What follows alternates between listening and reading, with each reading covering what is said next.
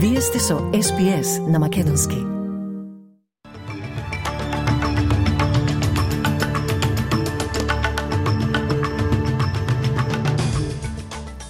Од денешниот Билтен Вести издвојуваме. Министерката за надворешни работи Пени Вонг признава дека патот кон мирот во Газа е предизвик. Примерот Албанезија пофалува пристапноста на клиниките за итна нега за сите австралици.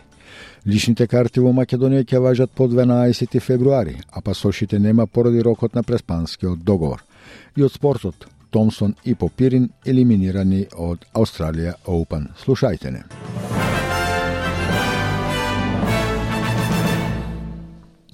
Министерката за надворешни работи Пени Вонг призна дека патот кон мирот е предизвикно од витално значење за сите цивили во Газа. Таа ги повтори повиците на Австралија за одржлив прекин на огнот како итно ослободување на сите заложници и осуда на нападите на Хамас на 7 октомври.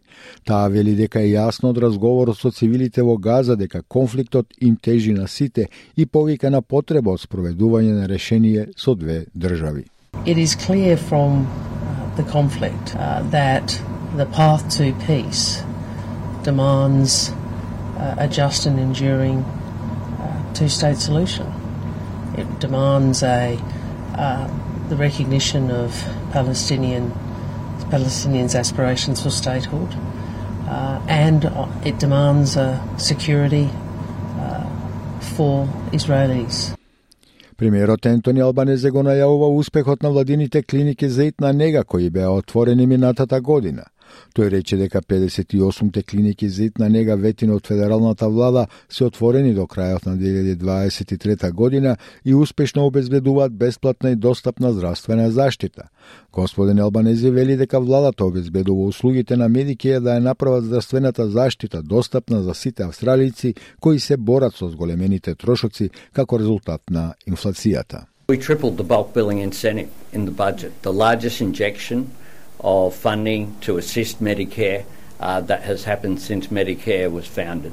In addition to that, urgent care clinics, like the one here, people all they need is their Medicare card. That's a new form of health service delivery. It's based upon models that have been successful overseas. Премиерот на Квинсленд, Стивен Майлс, вели дека треба да има построги казни за трговците на мало за кои ќе се утврди дека ги изголемуваат цените – Господин Майлс треба да се сретне со шефовите на супермаркетите денес и рече дека се надева дека ќе добие одговори за несовпаѓањето помеѓу она што земјоделците велат дека го добиваат за нивните производи и она што потрошувачите го плаќаат на касата. Тој за ABC изјави дека некои приказни од фармерите се, цитирам, потресни, затворен цитат, и никој не треба да биде третиран како што биле некои. I really welcome that review of the grocery code. My personal view is that it shouldn't be voluntary, it should be mandatory, and that there should be tougher penalties that uh, really make people think twice before they do price gouge. But at a state level, uh, we do have the ability to put this kind of transparency uh, into the system to make sure that Queenslanders can see the, uh, why and how the prices that they're paying are set. Благајникот на опозицијата Ангус Тейлор вели дека Австралија и Кина да се вклучат во заеднички војни вежби во блиска иднина е малку веројатно. Тоа доаѓа кога амбасадорот Сиао Киан на пресконференција ја повика федералната влада да ги рестартира заедничките војни вежби и соработката со Кина за наука и технологија.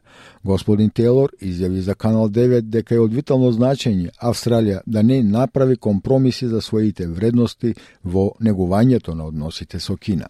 We want to have a strong relationship with China, mm. but we do have to stand up for our interests and for our values. You've got to put a line in the sand yeah. with China. They are, they are, a big, strong country, and they're a great benefit to us when the relationship uh, is good, but you should never, ever compromise your values and interests in the process. Наместо лажна надеж и иницијативи за уставни измени и промена на закони со кои пасошите со старото име ќе важат и по истекот на рокот на 12 февруари, вниманието сега треба да се стави на тоа што е можно повеќе луѓе да добијат нови лични документи. Ова го изјави вчера на пресконференција македонскиот министер за надворешни работи Бујар Османи.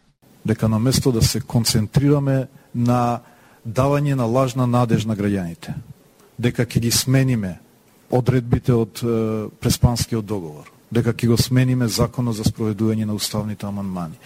Е да работиме граѓаните да немаат пречки после 13 февруари. Помалку од еден месец останува за граѓаните да си ги сменат личните документи и да добијат нови со уставното име на државата.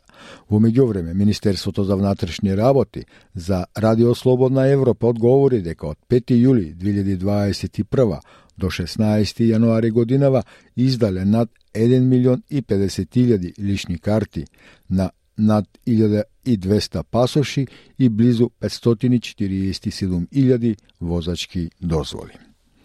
Премиерот на Нов Јужен Вилс призна дека целта на изградбата на одреден број на нови домови нема да биде исполнета во блиска иднина. На состанокот на Националниот кабинет одржан во август, државната лабористичка влада договори да изгради 75.000 нови домови годишно, што е драматично зголемување на сегашната годишна стапка од околу 48.000. Премиерот Крис Минс рече дека неговата влада направила промени за да го забрза системот за планирање за да испорача повеќе домови, но за весниците на Ньюскорп изјави дека целта ќе биде, цитирам, многу тешко да се постигне на краток рок, затворен цитат. Владата на Нов Јужен Велс презеде низа стратегии, вклучително и поставување на нови зони на областите околу транспортните центри за да се овозможи развој со поголема густина. Но опозицијскиот волач Марк Спикмен рече дека владата не е заинтересирана да работи конструктивно со советите или заедниците за да произведе решенија што ги задоволуваат локалните потреби. Водачот на опозицијата во Квинсленд, Дейвид Крисафули, вели дека државниот здравствен систем е во криза откако снимките открија 11 возила на брза помош паркирани во болницата Ипсич во текот на ноќта. Тоа е истата болница во која почина мажот од Квинсленд, Вейн Ирвинг, минатиот ноември, откако чекаше 3 часа за итна помош. По смртта на господин Ирвинг, министерот за здравство на државата побара од генералниот директор на здравството во Квинсленд итно да ги разгледа, да разгледа какви дополнителни услуги се потребни. Но господин Крисафули изјави за Канал 7 дека ситуацијата се чини дека се влошува. The plea to the government is there. That they've just got to start listening to the solutions that the people at the coalface are, are talking to us about. Better resources, better triaging, share data in real time, put them back in charge. Uh, but there are going to be more Queenslanders who lose their life because of a system in crisis that has deteriorated year on year for nearly a decade. Неведен стрес за изнајмување ги погодува жителите во речиси половина од сите австралиски предградија. Истражувачката група за имотот Сабаб Трендс во својот индекс на финансиски притисок на изнајмување за јануари откри дека 12 предградија имаат максимален резултат од 100. Индексот влијае на промената на киријата на предградието, огласените наемнини, стапките на слободни работни места, промената на слободните работни места и достапноста на изнајмување. Најпогодени се Дурак и Логан Централ во Квинсленд и Варила и Сан Сучи во Нов Јужен Велс. Квинсленд и Јужна Австралија се соочуваат со највисоки нивоа на тешкоти при изнајмување со 58% од предградијата и во двете со оценка поголема од 75.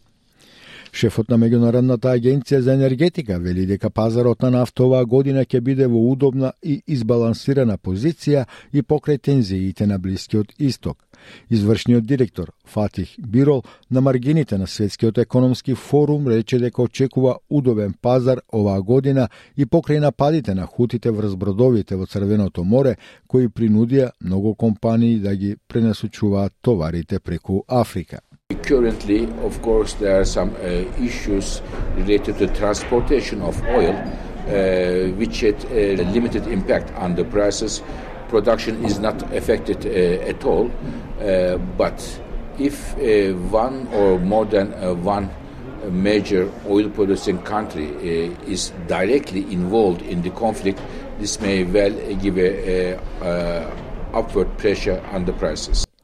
Трошоците за образование се во пораз бидејќи износот на заемите земени за училишни трошоци порасна за речиси три четвртини.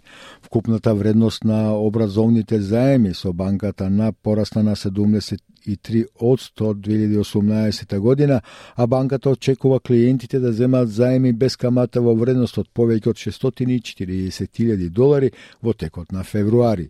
Истражувањето на Finder Survey откри дека речиси една третина од австралиските семејства не можат да си дозволат училишните трошоци. Истражувањето на 1039 испитаници, вклучително и 359 родители, покажа дека 30 од 100 не биле во можност да платат за za osnovna oprema тетратки и униформи. На национално ниво тоа би представувало речеси 2 милиони домакинства. И од спортот, Стефанос Циципас го победи австралиецот Джордан Томсон и се пласираше во третото коло на Австралија Open. Циципас, кој се мачеше со својот прв сервис цела вечер, обезбеди победа на Томсон со 3 спрема 1 во сетови по 3 часа и 36 минути игра. Тој им се заблагодари на сите своји поддржувачи од теренот по Ta. I grew up. Uh, I grew up playing on empty courts, and uh, I was always dreaming uh, for me one day to, to show up and then play on Rod Laver and Margaret Court. These were the arenas that I was aiming for, and I'm happy that I get to share this with you and make it a part of my journey. Eliminacijo od Australije Open doživlja и Алексеј Попирин, кој загуби од светскиот рекет број 1 Новак Џоковиќ исто така со 3 спрема 1 во сетови. А од фудбалот, Австралија, односно Сокерус, вечерва ги продолжува над преварите на Азискиот куп во групната фаза. Противник е селекцијата на Сирија, над преварот се игра во 22 часот и 30 минути. Австралија води на табелата со 3 бода после победата над Индија.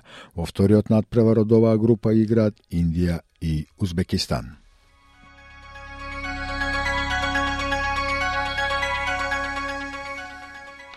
А од неновата курсна листа, денеска еден австралиски долар се менува за 0,60 евра, 0,66 американски долари и 37,1 македонски денар, додека 1 американски долар се менува за 56,6 македонски денари, а 1 евро за 61,7 македонски денари и временската прогноза за поголемите градови во Австралија утре петок, 19 јануари.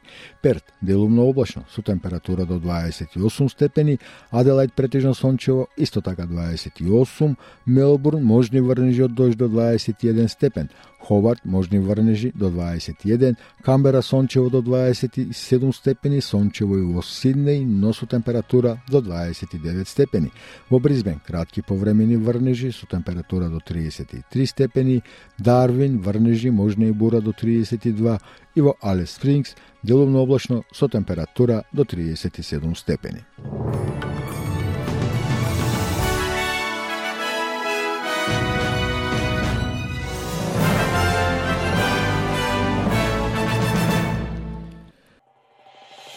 Сакате ли да чуете повеќе прилози како овој? Слушате подкаст преку Apple Podcasts, Google Podcasts, Spotify или од каде и да ги добивате вашите подкасти.